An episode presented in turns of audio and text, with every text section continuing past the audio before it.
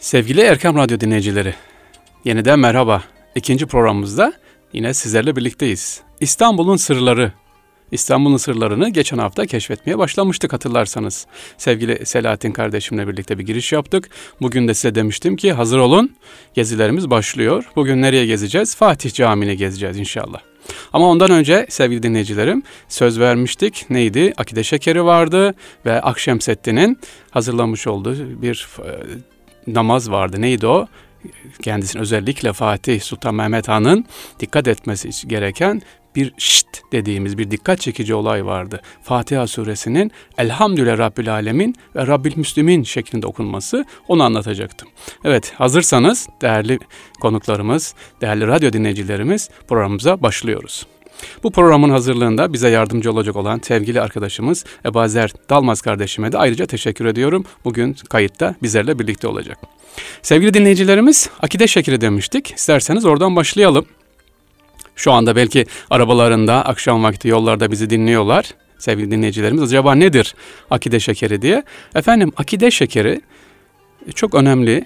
Padişah tahta çıktığı zaman Yeniçeri ağası hazırlar. 400 gram ağırlığında tasa böyle güzel bir şeker kor hazırlar. Hani bildiğimiz Mevlana şekeri var ya, evet ona akide şekeri diyoruz. Aslında onun akide şekeridir. Beyaz bir şekerdir. Hazırlar. Padişah tahta çıktığı zaman Yeniçeri ağası ekibiyle birlikte gelir. Padişah eliyle sunar. Padişah önce bir şey yapar. Onu tarttırır. Gerçekten 400 gramsa eliyle alır, onu güzelce yer. E bu ne demek?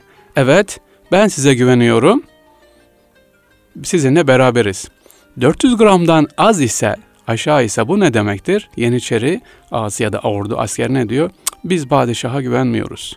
Genellikle çocuk yaşta çıkan o dönemlerde olmuştu bu olaylar. Biz güvenmiyoruz. Aşağı olur. 350 gram olur ya da 300 gram olur. Bu durumda padişah iki şey yapar. Birincisi bu akide şekerin hazırlanmış olan akide şekerin isterse siz bana güvenmiyorsunuz ama ben size güveniyorum der. Akide şekerin eline alır kendisi yer.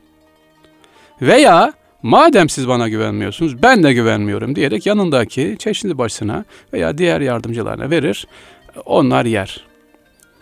Veya başka bir şekilde yapılır. Üçüncü bir turda şekerin ortasına kırmızı bir şerit çekilir değerli dinleyicilerimiz. Bu ne demek? İkisi arasında böyle kırmızı bir şerit. Hani bazı şekerleri görürsünüz. Kırmızı, akide şekeri, konya şeker arasında kırmızı vardır. İşte bunun da iki tarafta ne yapıyor? Eğer tamsa güven tamsa, 400 gramsa iki tarafta birbirine güveniyorsa akide şekerimiz tamdır. Padişah alır, kendileriyle yer ve devam eder. Akide şekeri eğer padişah kendisi gramı eksik olmasına rağmen kendi eline alır yerse şekerin ortasına sevgili dinleyicilerimiz kırmızı bir çizgi çekilir. Yani kırmızı bir şekerden bu da nedir? Yarı yarıya. Peki böyle olmuş mudur?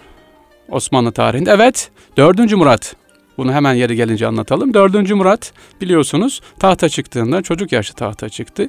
Yine bu olaylar aynı şekilde başladı ve e, akide şekeri hazırlandı. E tabi eksik. Yeniçeri çocuk olduğu için belki güvenmedi. Hatta ne oldu o dönem karışıklıktı değerli dinleyiciler. Arkasından ne geliyor? Ee, İran seferi var, işte Bağdat seferi var. Bu as çocuk padişah nasıl çıkılacak?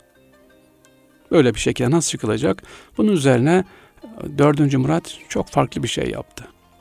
Bir gün cuma selamlığında Sultanahmet Camii'ne geldi. Bugün eğer Sultanahmet Camii'ne giderseniz her iki kapıda da Babü Selam kapısında yani ana giriş kapısında ve arka deniz tarafından gelen çıkış kapısında bir zincir görürsünüz. Evet kalın bir zincir. O zincirin sebebi babası Sultanahmet yaptırmıştı ki camiye gelince mütevazi bir şekilde aşağı eğilelim girelim. Yine çıkarken de aynı şekilde mütevazi bir şekilde zincirin altından eğilerek çıkıyor. Mütevazilik. Sultanahmet böyleydi. Onu yeri gelince ayrıca Sultanahmet Camii'ni anlatırken anlatacağım. Evet, Padişah 4. Murat akitleşti. E, sefere çıkılacak. Ordu güvenmiyor. Sıkıntı var. Ne yapıyor? 4. Murat sevgili dinleyicilerimiz kendini çalıştı. Çok güzel gür çalışırdı. Cuma selamlığından önce, cuma namazından önce atıyla geldi. Biliyorsunuz padişahın atı süslüdür, ağır koşumları vardır. Zincirin oraya geldi. İki eliyle sağdan o zincirden tuttu. Atın da karnına ayaklarını bastırdı. Atla birlikte üç defa indirdi, kaldırdı. O genç padişah. Düşünebiliyor musunuz? At, padişahın atı koşumla hep beraber zincire tuttu, indirdi, kaldırdı. Üç defa yaptı ve bunun üzerine ordu aa tamam dediler. Güven geldi ve düşünün o genç padişahla birlikte nereye gittiler? İran seferi yapıldı. Bağdat fethedildi. Tekrar e, ve meşhur hani türküsü marşı da vardır ya Genç Osman işte o dönemde arkadaşlar değerli dinleyicilerimiz o dönemde yapıldı. Bu akide şekerinin bir özelliği akitleşmeden kaynaklanıyor. Her padişah her tahta çıktığında bu olay tekrarlanır bir sözleşmedir. Yine Anadolu'da akitler, nişanda da özellikle dikkat ederseniz çeşitli şu anda Anadolu'muzda kullanır akitleşme, akide şekeri bir sözdür, sözleşmedir ama zımni bir sözleşme, sözsüz iletişimdir bu. Sözsüz iletişim. Evet ikinci e, sorumuz vardı, ikinci açıklamamız vardı. Neydi o da? Akşemseddin, padişahın Fatih Sultan Mehmet Han'ın hocası Akşemseddin. Efendim yeri gelince hemen bir parantez açıyorum. Akşemseddin, Akşemseddin, Akşemseddin diyoruz. Akşemseddin aksakallı mıydı? Ya da Akşemseddin deyince aksakallı böyle fotoğraflarda, resimlerde görürsünüz Akşemseddin. Evet şaşıracaksınız şimdi bu bilgiyi size verince değerli Erkam Radyo dinleyicileri. Akşemseddin'in sakalı yoktu. Evet köseydi yani Akşemseddin. E, kaşları beyaz olduğu için hani albino diyorlar ya buna. Beyazdı evet köseydi. Ak saçlı ya da ak sakallı manasına değil o aklından dolayı Akşemseddin Akşemseddin denmiştir. Fakat resimlerde görürsünüz ne yapar? Sakallı bir hale yapılır. Hayır Akşemseddin'imiz öyle değildi. Allah e, rahmet etsin, şefaatine nail eylesin inşallah. Evet Akşemseddin Ayasofya'da neden acaba Fatiha'yı bu şekilde okudu? Önce olayım şöyle bir önüne bakalım. Sevgili Erkam Radyo dinleyicileri, Fatih Sultan Mehmet Han Edirne Kapı'dan İstanbul'a giriyor. Nümayiş var, sevenler çok, herkes ulaşmak, çiçek vermek istiyor, alkışlamak istiyor. O esnada bir genç İstanbul vatandaşı, Rum vatandaşı ve yeni Müslüman olmuş. Yaşları 17-18 arasında bir genç. Padişah yaklaşmak istiyor. O da tebrik etmek istiyor. O da çünkü özlemle istiyor ve atın yanına gelirken at birden tabii etraftan ürküyor. Padişahın dizi o yeni Müslüman olmuş Rum gencinin karın boşluğuna vuruyor. Çocuk ah diyor böyle bakıyor padişahla göz, yukarı gözüne bakıyor. Yani Fatih Sultan Mehmet Han'ın dizi o gencin karın boşuna değdi. Canı yandı. E baktı çocuk. Hani özür dileyecek mi diye. E, etraf kalabalık, ses, maaş, padişah farkında bile değil.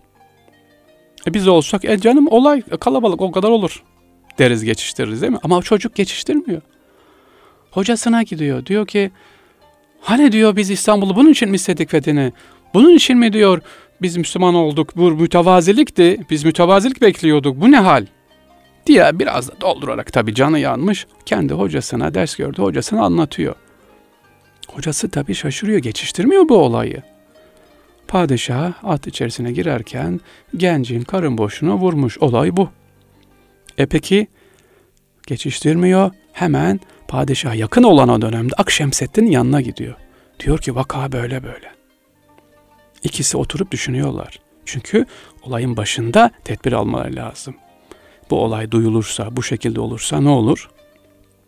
Akşemseddin birden diyor ki Elhamdülillahi Rabbil Alemin. Karşısındaki hocası da aa doğru diyor düşünememiştim. Elhamdülillahi Rabbil Alemin. Tabi biz ne anladık? İki kişi karşılıklı konuştu. Elhamdülillah Rabbil Alemin dedi. Ama olay tabi devamı var geliyor. 2 Haziran biliyorsunuz 1453'te Ayasofya'da kalabalık cuma namazı, ilk cuma namazı kılınacak. Akşemseddin var, diğer hocalar var, diğer e, Fatih'in askerleri tamamen doldurmuş durumda Ayasofya Camii. Tabi yabancılar da var. İlk cuma namazı kılınacak ve hutbeye Fatih Sultan Mehmet Han çıkıyor. Namazdan sonra hocası mihraba geçiyor, namazı kıldıracak. Allahu Ekber diyor, Sübhaneke'yi okuyor ve Fatiha'ya başlıyor. E Fatiha'ya nasıl başlıyor? Bakın, şöyle başlıyor. Bismillahirrahmanirrahim. Elhamdülillahi Rabbil Müslimin Errahmanirrahim. Daha bitirmeden hemen arkadan Subhanallah diyor. Herhalde bir karışıklık oldu. Akşemseddin şaşırdı. Olabilir mi? E, ikinci defa tekrar. Bu sefer üzerine basarak Elhamdülillahi Rabbil Müslimin. Allah Allah iki defa böyle bu şekilde olur mu? E demek ki burada bir mesaj var. Dur bakalım niye Akşemseddin Elhamdülillahi Rabbil Alemin yerine Rabbil Müslimin dedi acaba? Ve üçüncü defada Elhamdülillah Rabbil Alemin Errahmanirrahim diyerek tabi namazı bitiriyor, selam veriyor. Hemen Fatih Hüsam Mehmet Han yanına geliyor. Hocam diyor bir edep hatası mı yaptık? Bir kusur mu işledik? Bir mesajınız var. Ne oldu diyor? E Rabbül Alemin denmesi gerekir. Rabbül Müslümin dediniz. Yani Rabbül Alemin. Allah herkesin Rabbi. Allah sadece Müslümanın Rabbi değil. Hah diyor işte evet ben de bunu demek istedim. Bundan sonra diyor sen sadece Türklerin, sadece Müslümanların padişahı sultanı değilsin. Herkesin İstanbul'daki Müslüman gayrimüslim, herkesin neysin? Padişahısın, padişah olacaksın. Tıpkı Allah Celle Celaluhu ne diyor? Rabbül Alemin demiş Kur'an-ı Kerim'de Fatiha Suresi. Ben herkesin inananların da inanmayanların da neyim? Rabbiyim. Öyle bir türlü olsaydı Rabbül Müslim Allah sadece Müslümanın Rabbi. Yok böyle bir şey olur mu? Olmaz. Evet. Rabbül Alemin Allah herkesin Rabbi. Sen de bundan sonra ötekileştirme, ayrımlaştırma. Öyle yap ki kucaklayıcı ol. Ve meseleyi anlatıyor. Diyor ki evet siz farkında değilsiniz. Böyle bir genç siz içeri girerken Edirne kapıdan e, o nümayiş içerisine girerken fark etmeniz ama bakın bu genç alındı. Bu gence vurulmuş. Çok hassas olacağız. İşte sevgili Erkam Radyo dinleyicileri bakın basit bir olay diyoruz ama buradan neler çıkacak neler çıkıyor. Herkesi kucaklayıcı olmak. Tüm idarecilere düşen, aile reislerine düşen, hepimize düşen elhamdülillah Rabbil Alemin. Allah tüm yaratıklar, yaratılanların Rabbi ayrım yapmıyor. Biz de idaremiz altındaki herkese karşı ne yapacağız? Kucaklayıcı olacağız. Ötekileştirmeyeceğiz. Ha, bunu bu mesajı verdikten sonra gençle karşılaşıyor Fatih. Kucaklaşıyorlar ve orada helallaşıyorlar. Peki sonra ne oldu? Sonra bu olay tabi hem tahta çıkışta hatırlanır ve her padişahın, her idarecinin bu şekilde kucaklayıcı bir şekilde yani tıpkı Fatiha'daki gibi Elhamdülillah Rabbil Alemin de olduğu gibi kucaklayıcı bir şekilde idaresini devam ettirmesi mesajı verilmiştir. Evet neyi anlattık? Akide şekerini anlattık ve arkasından Akşemseddin'in söylemiş olduğu Elhamdülillah Rabbül Alemin'deki o sırrı sizlerle paylaşmış olduk. Bunlar geziye başlamadan önce sevgili dinleyicilerimiz anlattık ki gezi sırasında bunlara çok dikkat edeceğiz. Ne demiştim geçen hafta? İstanbul'da taş üstüne taş, nedir? Besmelesiz konulmamış, bir tasavvufi manasız konulmamış. Ve bir kitap tavsiye etmiştim şu anda masamda tarihten günümüze muhterem Osman Topaş hocamızın İbret Işıkları diye bu kitabı size hasreten tavsiye etmiştim. Bu kitabı lütfen masamıza bulunun. Osman Gazi'den, Orhan Gazi'den ve diğer padişahlardan çok önemli mesajlar var ki bunlar zaten günümüze ışık tutuyor. Siz bu kitabı okuduğunuz zaman hmm, neden İstanbul'daki eserler bu şekilde ya da Anadolu'daki ya da Bosna Hersek'teki Balkanlardaki birçok eserde aynı uslup üzerine değerli dinleyicilerimiz yapılmıştır, değerlendirilmiştir. Devam ediyoruz. Üçüncü olarak ne demiştim sevgili dinleyicilerimiz? İlk durağımız hazırsanız eğer Fatih Camii'ne gideceğiz. İlklerin camisi Fatih Camii'ne gideceğiz. Fatih Camii'nin acaba özelliği nedir? Fatih Camii'nin farklı nedir? Çoğunuz gitmiştir ama Fatih Camii'ne neler var? İsterseniz ona bir kısa göz atalım. İstanbul'un ilk camisidir Fatih Camii. Evet, ilk camisi yani padişah camileri ilklerin camisi ilk yapılan. Fakat bazıların dediği gibi 1453'te hemen Aa, Fatih Camii yapılmamış. Fatih Camii'nin yapımına değerli dinleyicilerimiz 1462'de başlanmış 70 yılına kadar devam etmiş. Açılış 70 yılında olmuştur Fatih Camimiz ve Fatih Camii'nin altına baktığımız zaman orası Havariyun Kilisesi'dir. Havariyun Kilisesi. Bunun hikayesini de isterseniz müsaadenizle şöyle bir kısaca anlatalım. Havariyun Kilisesi Konstantin, İstanbul'un ilk imparatoru Konstantin Havariyun Kilisesi'ni yaptırıyor ve içerisine de 12 tane havari koyuyor. Mezar lahitlerini koyuyor tam ortasına e, caminin, bugünkü caminin ya da o günkü kilisenin temellerine koyuyor ve kiliseyi, o dönem kiliseyi ayrı oluyor, ayrı bir farklılık veriyor. Tabi aradan yıllar geçiyor arada depremler, çeşitli çalışmalar, cami, bu, o günkü Havaryun Kilisesi harap bir vaziyete geliyor. Fatih Sultan Mehmet Han 1453'te fethettiği zaman ortada zaten Havaryun Kilisesi gibi yoktu ortada. Yani temel taşları kalmış, harabe olmuş. Fatih bunu yıktırmıyor. temelini aynen bırakarak, düzelterek üzerine 1462'de başlatıyor. Neyi başlatıyor? Fatih Camii'ni başlatıyor. Ve mimarımız da nedir? Atik Sinan'dır. 1509'a kadar sevgili dinleyicilerimiz Fatih Camimiz bu şekilde devam ediyor. Fatih'in yaptırmış olduğu şekilde. 1509'da ne oluyor? İstanbul Allah vermesin, Allah muhafaza etsin bir depremle sarsılıyor. Fatih Camimiz o dönemde ciddi bir şekilde zarar görüyor ve 2. Beyazıt elden geçiriyor. Fatih Camii'ni. Tabi bazı önemli eserler, Fatih'ten kalan eserler e, yok oluyor, yıkılıyor, yeniden yapılıyor. Ne zamana kadar? 1771 o yine İstanbul'un büyük kıyamet, kıyamet sugra dediğimiz e, büyük e, depremine dek geliyor. O dönemde de camimiz, Fatih Camimiz ciddi şekilde e, zarar görüyor. İşte burada Fatih Camii yeniden yaptırılmış oluyor. Fatih Camii'nin özelliği camiye girerseniz değerli dinleyicilerimiz bugün elimizde olan hani Fatih'ten ne kaldı elimize diye şöyle merak ederseniz acaba Fatih döneminden elimizde gidip de neyi görebiliriz derseniz şadırvan var. Evet bugün girişte gördüğünüz o şadırvan.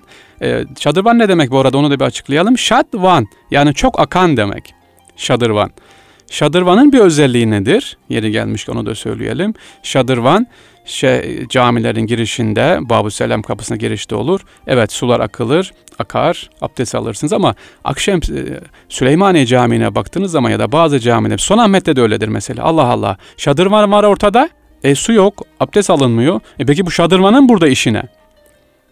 Şadırvan niye yapılmış? Fatih Camii'nin girişindeki o şadırvan nedir? Orada girişteki işine ha şadırvanın özelliği şudur. Evet abdest için akar ama aynı zamanda içeriye caminin içerisine sevgili dinleyicilerimiz oksijen verir. Çünkü cami, suyun içerisinde ne var? Bir oksijen var değil mi? Hareket et akar akar akar bir devri daim var. Caminin içerisi binlerce kişi var içeride dolu. E içeri girdi bir müddet sonra karbondioksit var içi ne yapacak? İnsanlar uyuşmaya başlayacak, uyumaya başlayacak. İşte bu devri daim içeriye ne veriyor devamlı? Bir hareket veriyor. Bir enerji veriyor bir hava veriyor. E, bundan dolayı şadırvanların e, sadece abdest alma, e, su özelliği değil, abdest almak için kullanılan bir özelliği yok, işlevselliği yok. Aynı zamanda caminin içerisine de ne veriyor? Hava, oksijen veriyor, içerinin hareketlenmesini sağlıyor.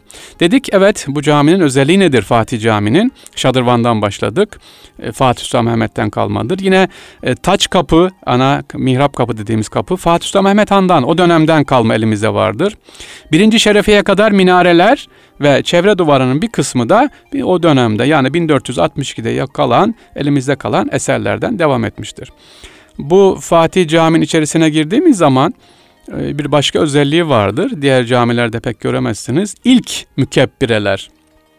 E şimdi diyeceksin mükebbire nedir? Evet ilk mükebbireler Fatih Camii'nde yapılmıştır. Yani Fatih Camii'ne girdiğiniz zaman o şadırvan avlu tarafında sağda ve solda çıkıntı balkonlar vardır böyle dışarıda mükebbir işte cemaat kalabalık olduğu için sağdan ve soldan müezzin çıkar oradan cemaate e, gamet getirir oradan imamın dediğini tekrar eder. Çok kalabalık. İlk mükebbirelerde Fatih Camii'nde yapılmıştır. Fatih Camimizin bir başka özelliği ilklerin camisi dediğimiz ilk yedi tepe üzerine yapılan ilk camimizdir. Yine başka bir özelliğimiz daha var. Buranın Fatih Cami ilk defa 2. Mahmut döneminde yangın havuzu da burada yapılmıştır. Yangın havuzu nedir? Aa yangın havuzu nerede? Çoğumuz giriyoruz ama görmüyoruz. Yangın havuzu yine Şadırvan kapısından ya da Babüselam kapısı dediğimiz kapıdan girerken hemen soldadır. Üzerinde 2. Mahmud'un e, mührü vardır. Orası 2. Mahmud döneminde yapılmış olan ilk yangın havuzudur. Çünkü düşünün İstanbul'da evet deprem var ama ondan daha felaket, daha acı olan ne var? Daha acı olan yangınlar var. Bir yangın yaptı, çıktığı zaman öyle bir iki günde bitmiyor. Yedi gün süren mesela meşhur Cibali yangını. 7 gün sürmüştür.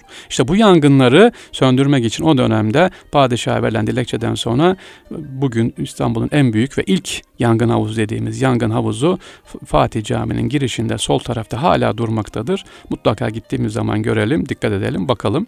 Orası ilk Fatih Camii'nin yangın havuzudur. Peki ilklerin camisi dedik. Başka ne var Fatih Camii'nin ilk olarak buralarda ne yapılmış? İlk eserde Fatih Camii'nin evet 1932 yılında burada 29 Ocak 1932'de ilk Türkçe ezanda bu camide okunmaya başlanmıştır. 1932 29 Ocak 32'de de ilk Türkçe ezan burada başladı. Fatih Camii'nin Ee, başka çok güzel tabii özellikleri var içerisine girdiğimiz zaman. içerisinde e, hemen avlunun içerisinde bana sık sık soruyorlar. Hocam bu caminin avlusunda e, sağda ve solda yukarıda biraz yükseklikler var ve pencereler var. Pencerede de ahşap kapılar var. E dışarısı zaten demirli. Bunlar ne işe yarıyor? Hemen onu söyleyelim. Şimdi İstanbul'a geldiniz sevgili dinleyenler. E, şimdi oteller çok tabii, pansiyonlar var. O dönemi düşünün. 1453'leri, 1505'ler. Osmanlı dönemi düşünün. İstanbul'da otel mi var? Ya da hemen nerede yer bulacaksınız? İstanbul'a gelen, dışarıdan gelen, kalacak yeri olmayan kişiler sevgili dinleyicilerimiz üç gün boyunca bu caminin avlusundaki o yerde kalır. Eşyalarını da işte sizin pencere zannettiğiniz oralara kor.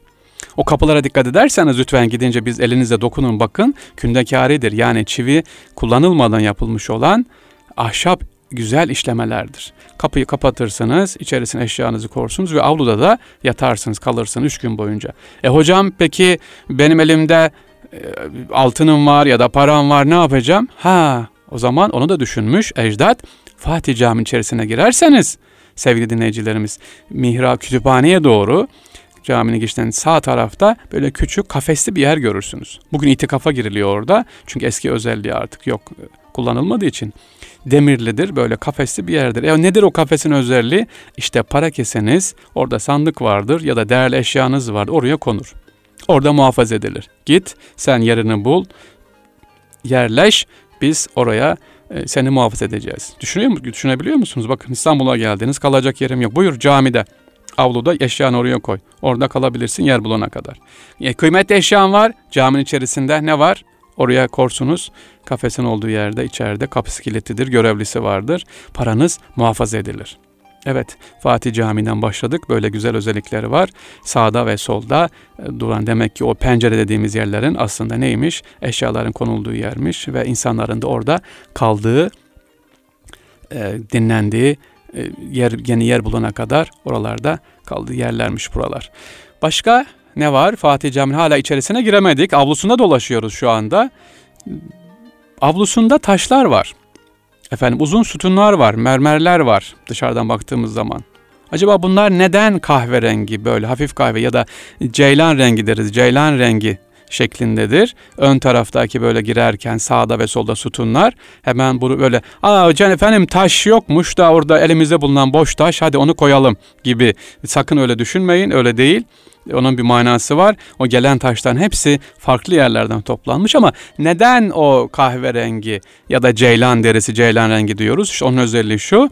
Onun da hikayesini anlatalım. O özel o dönemde Bizans döneminde kahverengi sadece Bizans e, soyluları, Bizans imparatorları ya da o dönemde imparator ailesi giyebiliyor o rengi ve ceylan derisi ayakkabıları, ceylan derisi elbiseleri de imparator giyebiliyor. İmparator ve ailesi giyebiliyor. İşte o taşlar o dönemden kalmadır. Oraya konulmuş, oraya özellikle getirilmiş. Ve bununla ilgili bir yine kaynaklarımızda şöyle bir vaka geçer. Biliyorsun 1453'te fetihten sonra padişah e, Fatih Sultan Mehmet Han diyor ki e, Konstantin'i bulalım, bulduralım, cenaze töreni yapılsın. E, müsaade ediyor. E fakat arıyorlar tarıyorlar uzun bir zaman sonunda Konstantin bulunamıyor. Neden? Çünkü savaş sırasında e, kıyafet değiştirmiş bir türlü bulunamıyor. Hangisi Konstantin? Fakat padişah Fatih Sultan Mehmet Han gidip e, Konstantin'i tanıyor, buluyor. Efendim nasıl buldunuz, nasıl bilindi? Her şey değiştirmiş, elbiseler değişilmiş. Nasıl? Ayakkabısından diyor. Giydiği sandaletinden. Çünkü sandalet evet her şeyi değiştirmiş ama sandaletini giydiği ayakkabı değiştirmemiş. Çünkü ceylan derisinden imparatorların giydiği ya da haneden ait olan giyilen elbiseden, e, ayakkabıdan dolayı e, Fatih Sultan Mehmet Han tanı işte diyor bu Konstantin diyor ve Konstantin'in cenaze töreni de yapılıyor. Bu şekilde yapılıyor.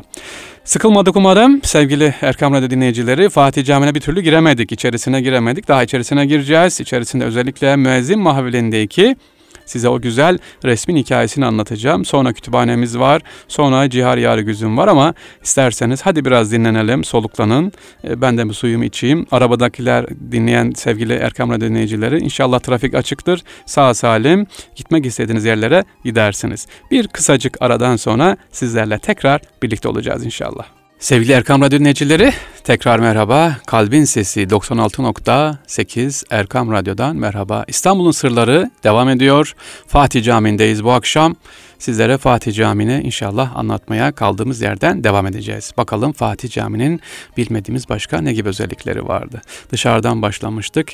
İçeriye doğru yavaş yavaş gireceğiz ama hadi bir türlü giremiyoruz. Peki o zaman şunu da anlatalım. Hemen giriş kapısında camilerimizde ne var? Bazı yazılar görürsünüz dışarıda biz buna Abü Selam kapısı, ana giriş kapı ya da taç kapı diyoruz. Bazı Arapça yazılar var, yazar. Ayet-i kerimelerdir. Belki bilmiyoruz, belki ne manaya geldiğini bilmiyoruz ama hepsine ne yazar şöyle baktığımız zaman genelde yazan Babü Selam yani ana kapıdan girişte Salatil Vusta ayeti yazar. Yani orta namaza dikkat edin.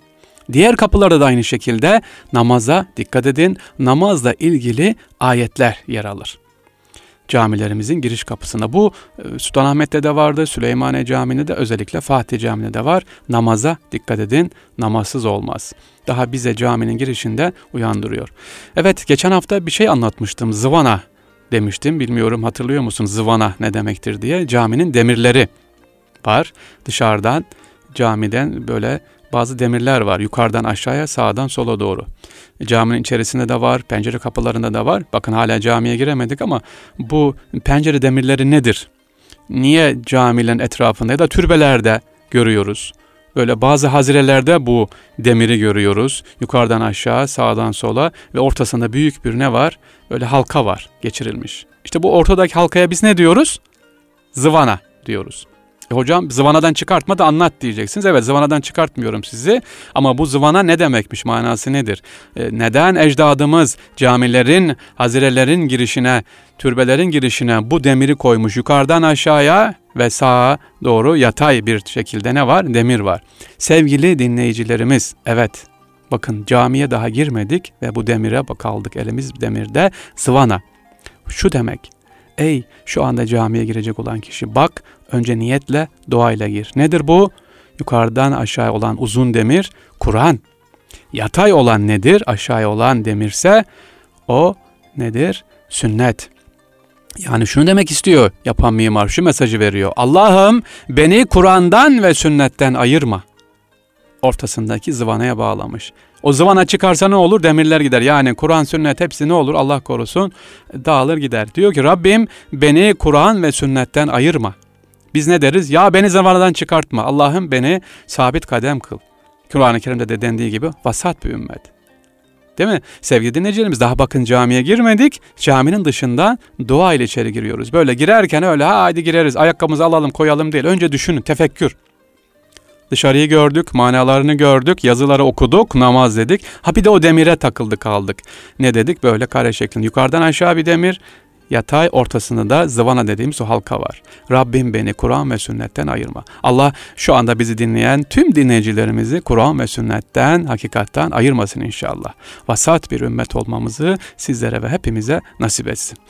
Ee, hadi hocam girelim. Aa sıkıldık. Yağmur da var dışarıda belki diyebilirsiniz hafif hafif. Yok yok yok girmeyeceğiz. Caminin kapısına geldik. Ayakkabılarımız elimizde. Kafamızı biraz yukarıya kaldıralım caminin yukarısına doğru kapıl. E ne var orada? Böyle hafif mihrap gibi girişler var, topuzlar var, halkal bir şeyler var. Ha ne demek o? Oraya niye konmuş? E süs için konmuş. Selçuklardan gelen bir gelenek. Bazı camiler mihrapla, minberlerde de görürsünüz topuz topuz. Ha bir süs mimar güzel yapmış. Hayır.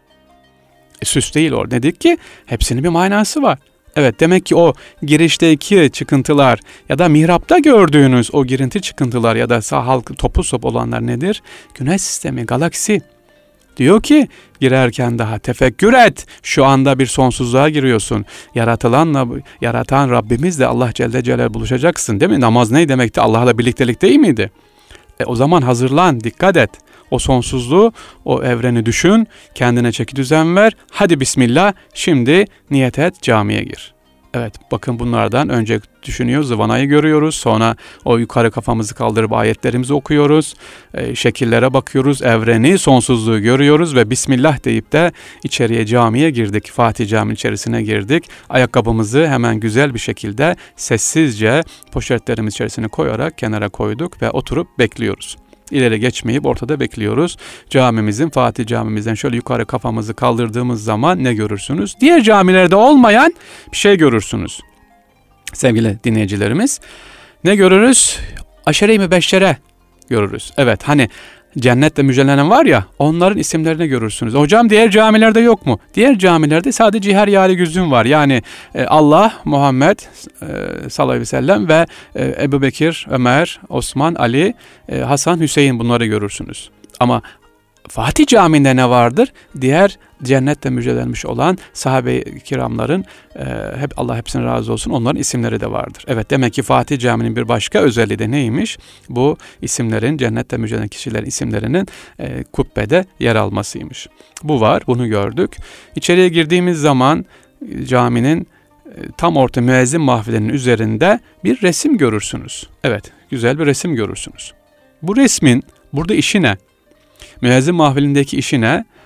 Ee, efendim oraya niye konulmuş? Önce isterseniz şöyle hatırlamayanlar için biraz hatırlatayım. Resmimiz şöyle. Topkapı Sarayı'nın iftariyelik bölümü var. Ee, haremin üstünde Topkapı Sarayı düşünün. O iftariyelik. Hani kubbe var ya altın kubbe. O, o hemen altında resmin sağ tarafında Mekke ve Medine var. Ve resmin süliyetinde alt tarafında böyle dünya küre var. Yani Topkapı Sarayı, Mekke, Medine ve dünya küre şeklinde böyle yapılmış tüm dünya. Ne demek istiyor? Mesaj ne? Bu resmin mesajı ne? Topkapı Sarayı'ndan baktığı zaman hizmet nereye yapacak? Bakış açısı nereye?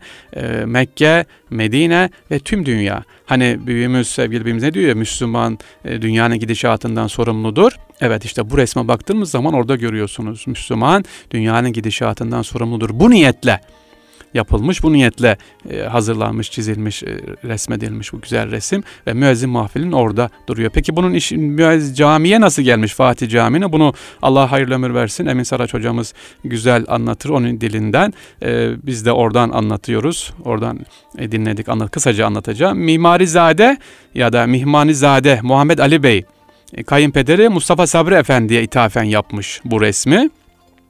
Sabri Efendi icat etmek mecburiyetinde kalınca tıpkı memleket terk eden diğer Osmanlı sultanlarının e, hanelerini talan edip içindeki pek çok tarihi eserlerin yağm edildiği gibi burası da yağm ediliyor. Bir hanımefendi bunu alıyor, e, bir altına alıyor bu resmi ve alıp evine götürecek. Onu gören bir zat diyor ki efendim diyor bu ne yapacaksınız bu diyor zaten talan edilmiş bunun size hayrı olmaz. İsterseniz bunu diyor güzel bir yere asalım. Güzel bir yere hem de diyor çok büyük bunu. Bu kadar yeriniz var mı diye kadına rica ediyor. O da iyi diyor ve cami bu güzel resim büyük kocaman resim Fatih Camii'ne getirilip bugünkü müezzin mahfilin olduğu yere hediye ediliyor. Orada duruyor, uzun müddet duruyor. Güzel bir şekilde dediğiniz gibi manalıdır. Lütfen e, Fatih Camii'ne gidenler özellikle dikkat etsin, baksınlar resmimizde ne demiştik? E, Topkapı Sarayı, Mekke, Medine ve dünya haritası. Müslüman dünyanın gidişatından sorumludur. Aradan müddet geçiyor, resim iniyor, boya yapılacak, oralar temizlik yapılırken sevgili dinleyicilerimiz bu resim ciddi bir şekilde hasar görüyor ve tamir edilmesi gerekiyor. E, tamir edilsin tamam. E, o kadar kolay değil bu anlattığım yıllar. Tabii yıllar önceki bir olay. Kim tamir edecek, nasıl tamir edecek, hadi oldu, bunun parası nereden bulunacak, nasıl yapılacak? Ve şimdi belki şaşıracaksınız, belki biraz e, tebessüm edeceksiniz. Bu resmi acaba kim tamir ettirdi?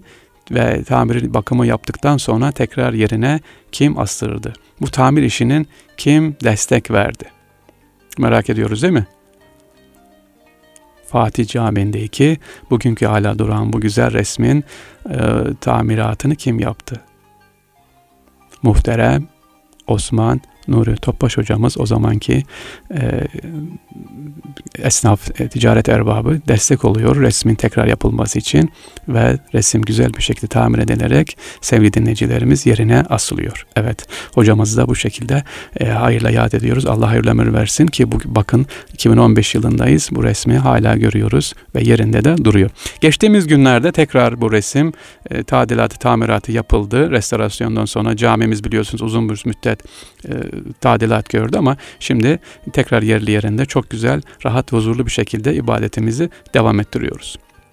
Efendim Fatih Camii ile ilgili anlatacaklarımız tabii çok ama fazla detay vermeyeceğiz ki birazında siz gidip yerinde görelim, yerinde bakalım. Fatih Camii içerisine girdiğimiz zaman e, tam mihrabın yanında da ne var sağ tarafta?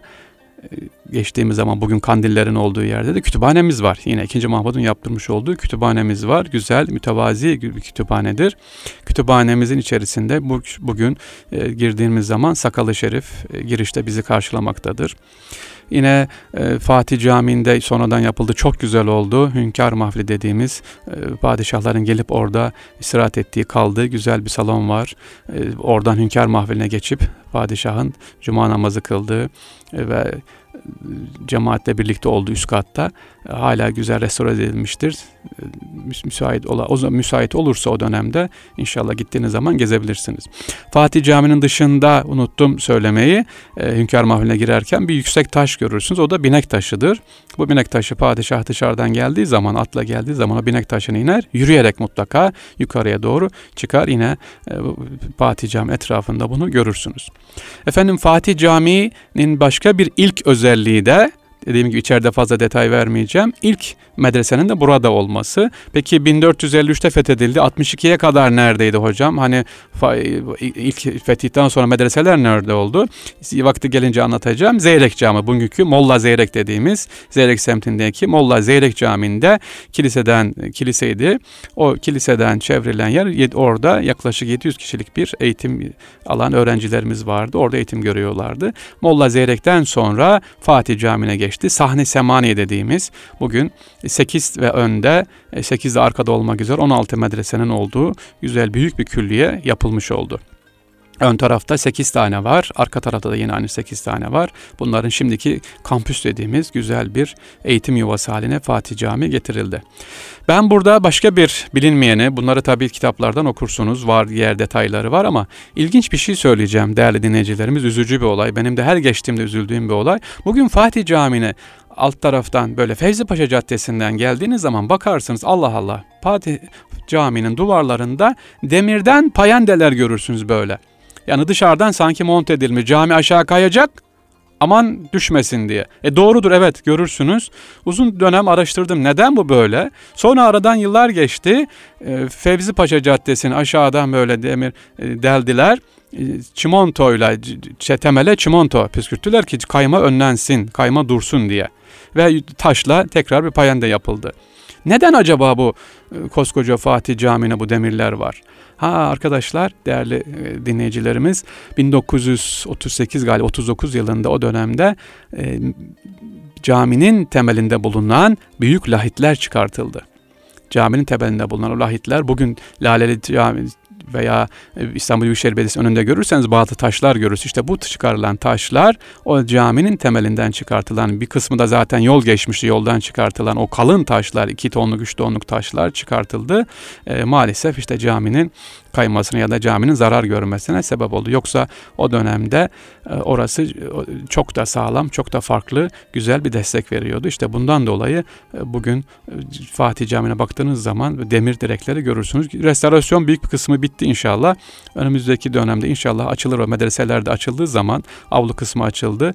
Güzel bir ziyaret olur. Hepinizi Fatih Camii'ne özellikle ziyaret etmeye, gelmeye, görmeye bekliyoruz sevgili Erkam Radyo dinleyicileri. Fatih Camii'nden şimdi anlatacaklarım bu kadar. E, cami bitirmiyoruz. Fatih Camii'nin hemen yanında başka bir yerimiz var. Yavaş yavaş oraya doğru geçeceğiz. Nedir o da? Hemen Fatih Camii'nin karşısında olan, yakınında olan Millet Kütüphanesi vardır. Millet Kütüphanesi. E, bakalım Millet Kütüphanesi nedir? Fatih Camii'ne geldiğiniz zaman mutlaka uğrayın. Dışarıdan bakın. Kütüphanenin dışarısında, dışında Millet Kütüphanesi yazar. Ama aslında caminin, e, kütüphanenin ismi Millet değildi. Millet Kütüphanesi değildi. O kütüphanenin ismi Feyzullah Efendi Kütüphanesi'ydi. O kütüphaneyi kuran, e, kitapları bağışlayan, getiren Feyzullah Efendi ama içerisindeki müdürü kim? Uzun yıllar emek veren kitap aşığı Ali Emir Efendi. Bugün adına e, bir kültür merkezi yapılan Fatih'teki Ali Emiri Kültür Merkezi. Evet neden Ali Emiri, neden Millet Kütüphanesi? İsterseniz artık ona geçelim ve ona doğru önüne doğru yavaş yavaş gidelim. Millet Kütüphanesi'nin çok önemli ve çok bizi e, bir farklı özelliği var. Geçtiğimiz pazartesi 6 Ekim'di. 6 Ekim nedir? sevgili Erkam Radyo dinleyicileri 6 Ekim İstanbul'un kurtuluşu. Evet 1918'den 5 yıl sonra 5 yıl sürdü. 1918'den 5 yıl sonra 23'e kadar İstanbul işgal edildi. Kimse bunu anlatmaz veya biz es geçiyoruz. Fazla üzerine durmuyoruz ama İstanbul 5 yıl işgal edildi. İşte bu işgal yıllarında Fransız komutan geliyor Millet Kütüphanesi'ne. Diyor ki o dönemki Feyzullah Efendi Kütüphanesi'ne iç geziyor. Çok güzel nadite eserler var. Kitaplar var. Ve hele dünyanın en büyük harikası olan içeride bir eserimiz var. Nedir? Divan-ı Lugat Türk var. Divan-ı Lugat yazma eser. Meşhur eserimiz, el yazması eserimiz. Bunu Paris'e götürülmesini istiyor. Ali Emir Efendi de oranın müdürü. Ne diyor? Ali Emir Efendi çok güzel bir cevap veriyor. Ve kendisine sevgili dinleyicilerimiz bakın rakama dikkat edin 30 bin altın teklif ediyor. Diyor ki 30 bin altın sana maaş. Tabii külliyeti para. Cevabı çok basit Ali Emir Efendi'nin. Efendim veremem diyor sahibinden izin alın. Nasıl diyor o komutan? O dönemin işgal komutanı. Buranın sahibi kim? Ben ondan alayım. Cevap yine basit ve çok güzel. Diyor ki buranın sahibi millet diyor.